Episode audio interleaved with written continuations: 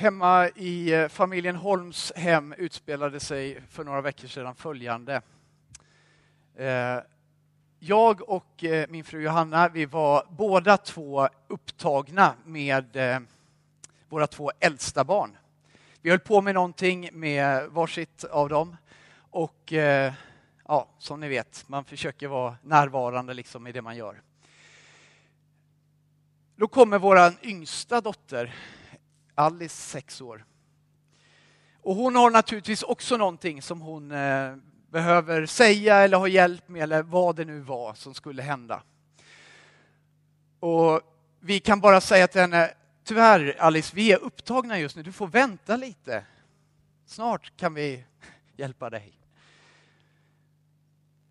Då lägger Alice armarna i kors, huvudet på sned och så säger hon, O ja, som trodde att ni älskar mig.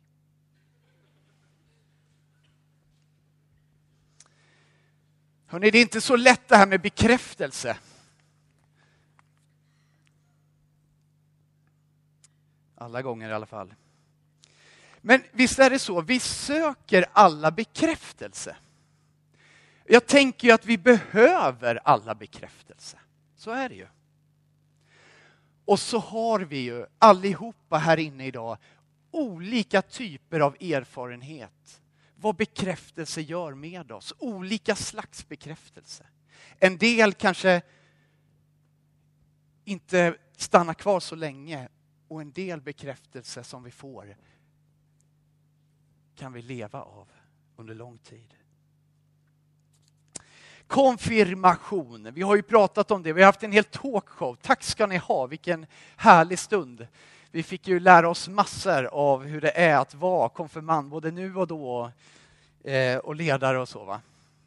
Eh, konfirmation betyder ju, som vi har varit inne på, att bekräfta, eller bekräftelse. Idag har ni fått möjligheten att bekräfta eran tro. Men vi måste stanna upp lite grann där, därför att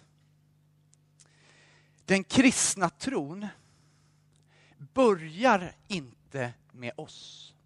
Den börjar inte med vår bekännelse. Bibeln, som ni nu har i era händer eller era knän, beskriver en Gud som är den som först tar initiativet. Det börjar med att Gud skapar oss till sin avbild.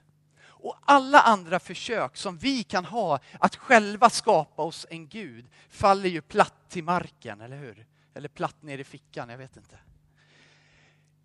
Det är ju Gud som har skapat oss. Vid en händelse alldeles precis när Jesus, han, han växte ju upp ganska liksom ordinärt i sin familj och, och liksom lärde sig allt om livet och om den judiska tron som var den miljön han växte upp i. Men när han ska bli offentlig, han är ju sådär i 30-årsåldern, när han är på väg att bli offentlig, då letar han upp en man som heter Johannes döparen. Kommer ni ihåg att vi har pratat om honom? Johannes döparen, han har ju ett så bra namn för vi kommer ju direkt på, vad var det han höll på med? Jo, han döpte människor. Han förberedde liksom för att Gud skulle göra någonting nytt. Så han, han döpte ju människor. Och Jesus, han letar upp Johannes och Johannes blir ganska överraskad när Jesus kommer och Johannes förstår vem det är. För han säger till Johannes då, Jesus, du Johannes, nu måste du döpa mig. Och det gör Johannes. Han döper Jesus. Och det som händer när han är döpt och kommer upp ur vattnet, eller hur nu de gjorde dopen, men då berättar de som var med, ingen av oss var med, det var ju 2000 år sedan, men de som var med, de berättar att när han kommer upp, då hörs det som en röst ifrån himlen, så beskriver de det. Och den rösten, den säger så här, du är min älskade son, i dig har jag min glädje så berättar de att de hör. Och de uppfattar det som att det är Guds röst de hör. Vad är det som händer? Jo, jag tänker så här. Jesus, vet ni vad han blir? Han blir bekräftad. Jesus blir bekräftad. Vem är han? Du är min älskade son. Han blir bekräftad. Om du har läst lite mer om Jesus så har du upptäckt att Jesus senare i livet får höra det ena efter det andra om vem han är. Han var en lögnare, han var frossare, han var en... Eh, ja, allt möjligt får han höra. Han var i, liksom till och med i maskopi med de onda krafterna, sa de till honom. Alltså han var allt möjligt enligt människors åsikt. Men Jesus visste från det han döptes, djupt inom sig, och det här tänker jag är så viktigt.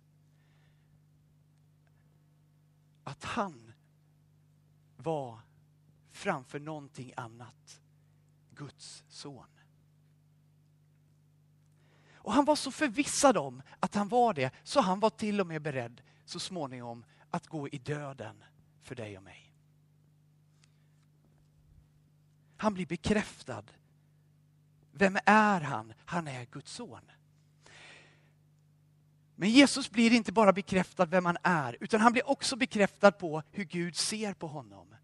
Kommer ni ihåg vad rösten sa? I dig har jag min glädje. I dig har jag min glädje.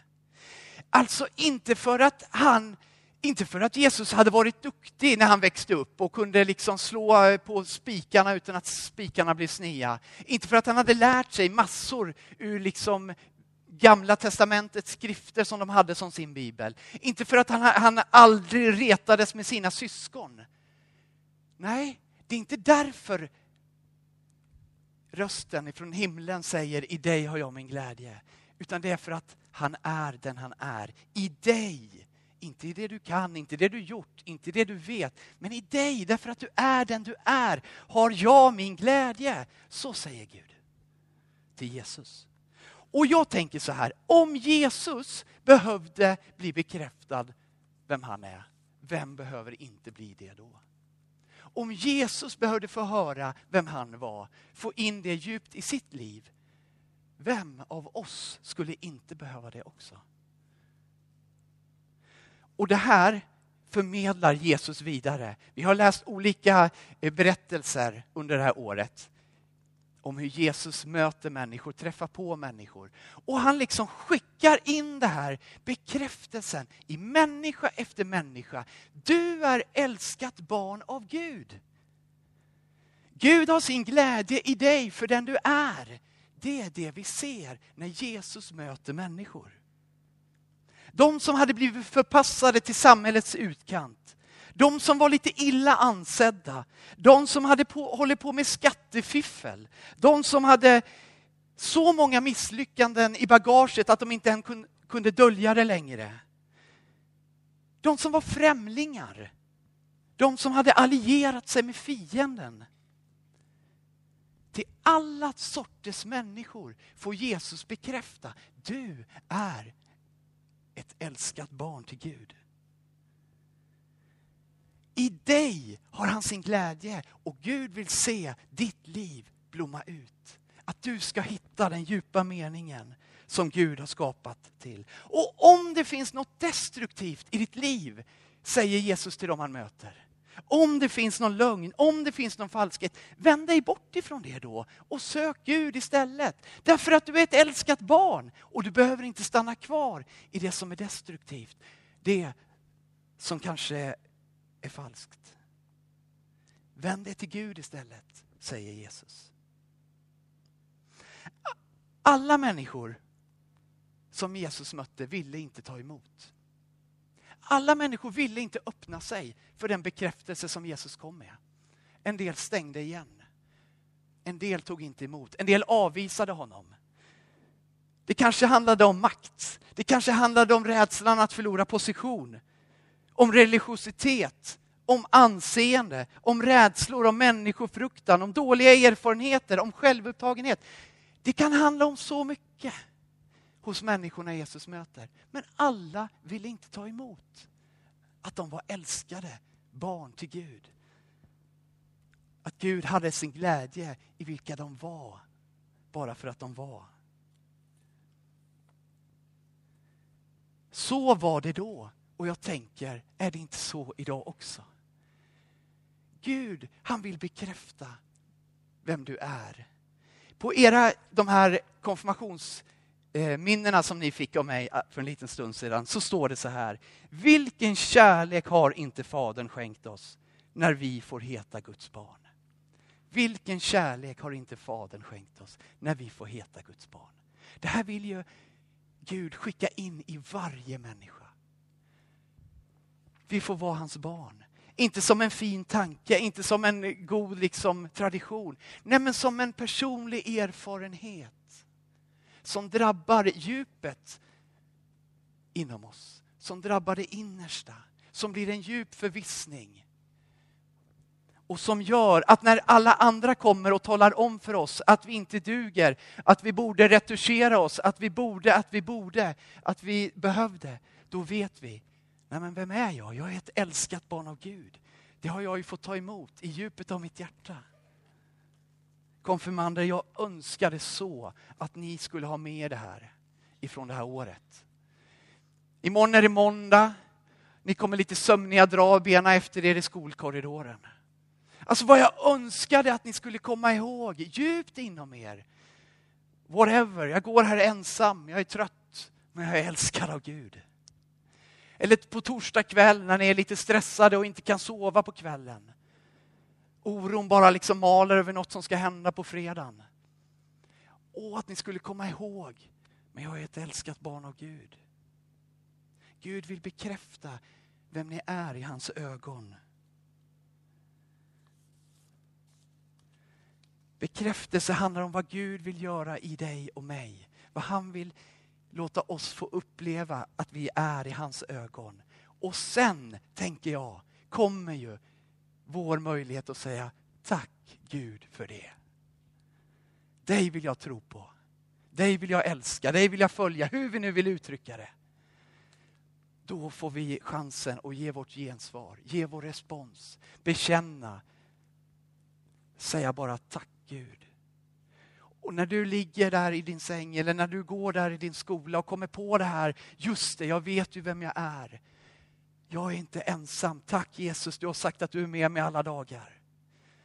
Jag behöver inte vara orolig. Tack Jesus att du vill låta din frid liksom putta bort orostankarna. Tack för att du vill låta ditt ljus lysa upp det som är mörkt över mitt liv. Alltså när ni, när ni tar emot och när vi alla tar emot, då är det ju som att våra liv levlar upp, eller hur? Vi får se någonting nytt. Guds rike blir öppet och vi kan börja ta emot och erfara nya saker. Allt det här vackra, fina som vi har pratat om. Som vi får ta som personliga erfarenheter.